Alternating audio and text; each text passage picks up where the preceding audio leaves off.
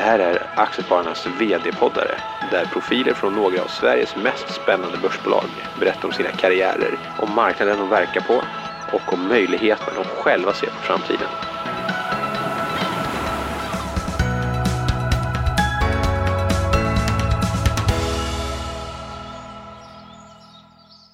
Jag ska tala om varför Stockholmsbörsen varit världens bästa börs under väldigt lång tid. Och jag ska berätta varför. Du tror säkert att det beror på valutan eller någon annan opåverkbar faktor, men nej, det finns faktiskt andra mer naturliga förklaringar, påstår jag. Jag heter Peter Malmqvist och har jobbat hela mitt liv med aktier och bolagsanalys. Idag är jag chef för Aktiespararnas företagstjänst Analysguiden som bevakar ett 60-tal mindre bolag. Men först ska jag berätta att det här programmet är sponsrat av marknadsplatsen Spotlight. De lanserar nämligen i höst en ny satsning. Bolag som är redo att ta på sig en mer omfattande regelkostym ska ges extra synlighet och möjlighet att arbeta upp en kvalitetsstämpel. Spotlight erbjuder bolagen djupgående analys, vd-intervjuer och liknande informationstjänster. Bolagen ska också tränas i att klara samma informationsnivå som de större bolagen, de på en reglerad marknad. Spotlights fokusbolag kommer också att inbjudas till olika nätverk med andra bolag som är i en liknande fas. De blir också en del av Spotlight Academy som erbjuder utbildning både inom regelverk och liknande men också arrangerar träffar med analytiker, förvaltare och branschföreträdare. Spotlights satsning kommer att vara värd väldigt mycket för de bolag som vill växa och expandera sin investerarbas. Så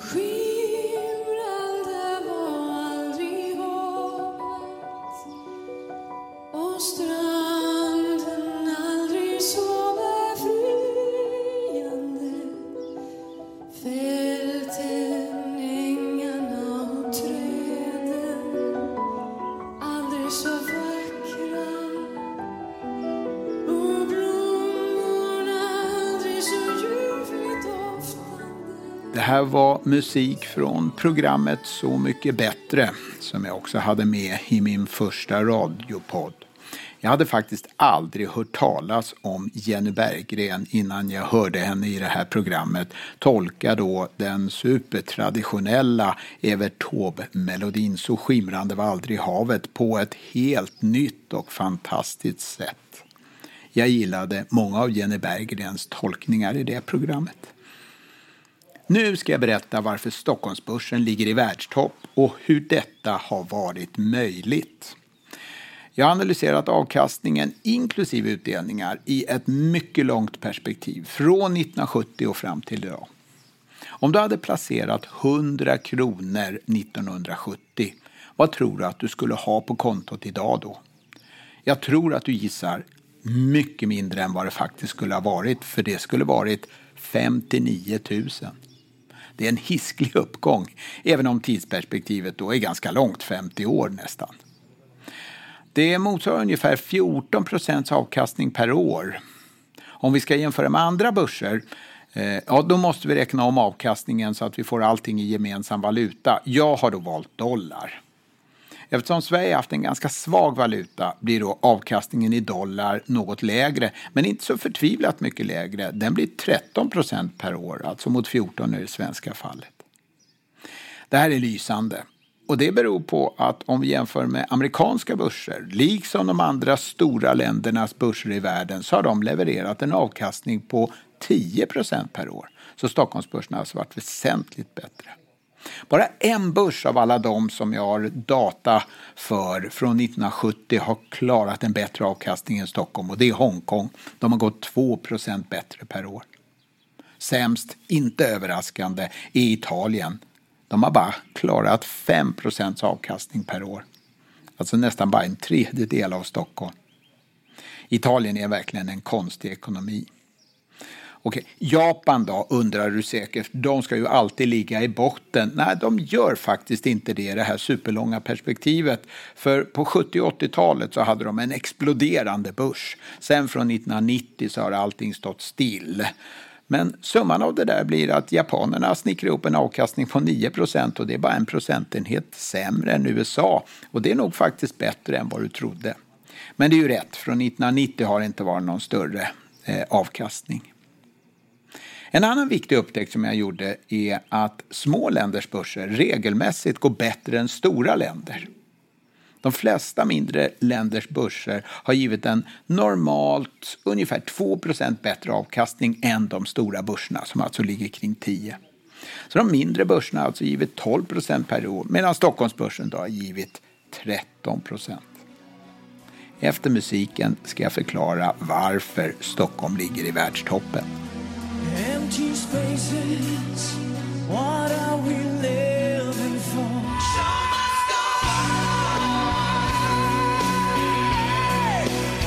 Show must go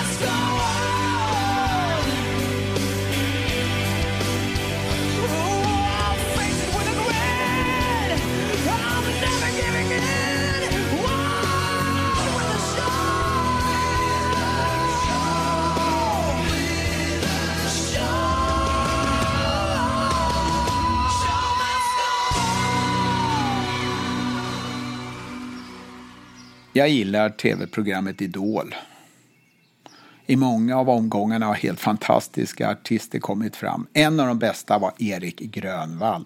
Han blåste scenen av alla, inklusive juryn, med det här framträdandet The show must go on. Nu tillbaks till Stockholmsbörsens fantastiska utveckling. Hur har den varit möjlig? Ja, direkt så börjar ju alla prata om valutan. Vi vet ju att de utländska valutorna har stigit, det har gynnat exportindustrin och därigenom har det gynnat Stockholmsbörsen som har väldigt mycket exportföretag. Men nej, det är faktiskt inte det som är huvudförklaringen alls. Jag mäter ju det här i en gemensam valuta, nämligen dollar. Och om vi skulle ha en rekordsvag valuta som fixade till vinsterna hela tiden, då skulle det kompenseras av att jag mäter det i en annan valuta än den svenska kronan. Jag tror faktiskt det finns två andra förklaringar. Den ena är mer generell och gäller egentligen alla mindre länder. Den andra är mer Sverigespecifik. Den generella bygger på företagens storlek. Mindre länder fostrar helt enkelt inte gigantföretag. Det gör däremot stora länder, inte minst USA, men även Japan, Tyskland och en del andra större länder. Jag tror att de här gigantföretagen är otroligt svårstyrda. Därför har de inte klarat av att ge samma avkastning. Det finns helt enkelt en sorts övre gräns för när företag kan styras effektivt och de mindre ländernas företag landar med automatik i en ganska bra storleksklass. Det som gör att företagsledningar styr mot storlek, tror jag, det är makt och girighet. Framförallt det senare, girighet. Det är nämligen lättare för en företagsledning att i ett gigantföretag kvittera ut ofantligt stora ersättningar eftersom det i förhållande till det gigantiska börsvärdet ändå kommer vara småpengar. På plussidan i de storstora företagen ligger makt och inflytande. Du får direkt övertag mot kunder och leverantörer om du är ett gigantföretag. Dessutom rullas röda mattan ut av politikerna vilket gör att du kan plocka ett och annat bidrag bättre än de mindre företagen och kanske vaska fram ett tillstånd som kan vara väsentligt. Små länder får en mindre del, definitivt, av de här gigantiska koncernerna. De får, så att säga, lagom stora storföretag. Dessutom blir de här företagen lite av hjältar i den inhemska ekonomin. De blir sysselsättningsskapare och det gör att de skapar en sorts positiv och tillväxtorienterad atmosfär runt sig. De gigantiska företagen de blir mer maktfaktorer och ofta till viss del bekämpas. Okej, okay, så Sverige är ett litet land. Vi får ganska bra storlek på våra stora företag så de kan drivas effektivt. Men varför är då Sverige bättre än även de små länderna? Ja, här gissar jag. Men jag uppfattar Sverige unikt inom framförallt två delar. Det ena är öppenhet. Jag tror det är den viktigaste fördelen som vi har. Svenska företag till exempel har otroligt bra årsredovisningar nästan alla bolag, även om de inte är tvingade, har faktiskt kvartalsrapport. Det är, det är helt unikt. Det här gör att det är lätt att förstå svenska företag. De är lätta att följa. Det ökar intresset för hela näringslivet och det ökar också lite konkurrensen om kapitalet. Men det gör också att fler placerare vågar ta chansen på börsen. Dessutom är vi väldigt långt framme i ägarstyrning. Alltså hur ägare, styrelse och företagsledning så att säga lite ska, ska vi säga, fördela makten och vem som ska styra i slutändan. Vi har haft en lång debatt, en lång diskussion och jag tycker att vi har kommit fram till ett system som är vida överlägset det amerikanska där ägarna är marginaliserade och vida överlägset det brittiska som väl är den andra alternativet för svenskar där också faktiskt ägarna är marginaliserade. Vi värdesätter våra ägare och min bedömning är att det är väldigt bra. Sen har jag en liten egen grej som nog uppfattas som kontroversiell och det är jag tycker svenska företagsledare är i världstopp. Det är lite som i idrott. Ju mer vi rapporterar, desto större blir intresset och precis som när idrottare lär av varandra så har vi lätt att skapa förebilder i näringslivet. Det gör att våra storföretag blir som plantskotor för framtidens företagsledare. Ovanpå det har vi ungefär 800 marknadsnoterade bolag så det finns ju väldigt mycket positivt att iaktta och kopiera. Det gör att det till exempel är lätt att upptäcka ambitiösa individer och se till att de får högre ribber att hoppa över.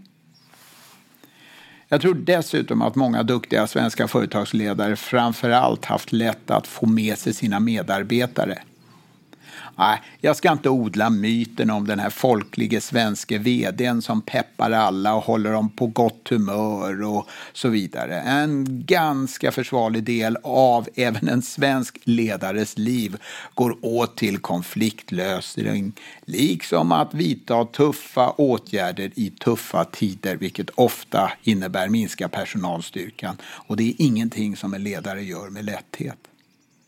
Men jag tycker dock att vi ständigt har många exempel på ledare som gör detta bättre och mer rättvist än ledarna i de riktigt stora länderna. De som ofta verkar komma från lite hemliga klubbar och nätverk, inte sällan formerade kring olika superuniversitet.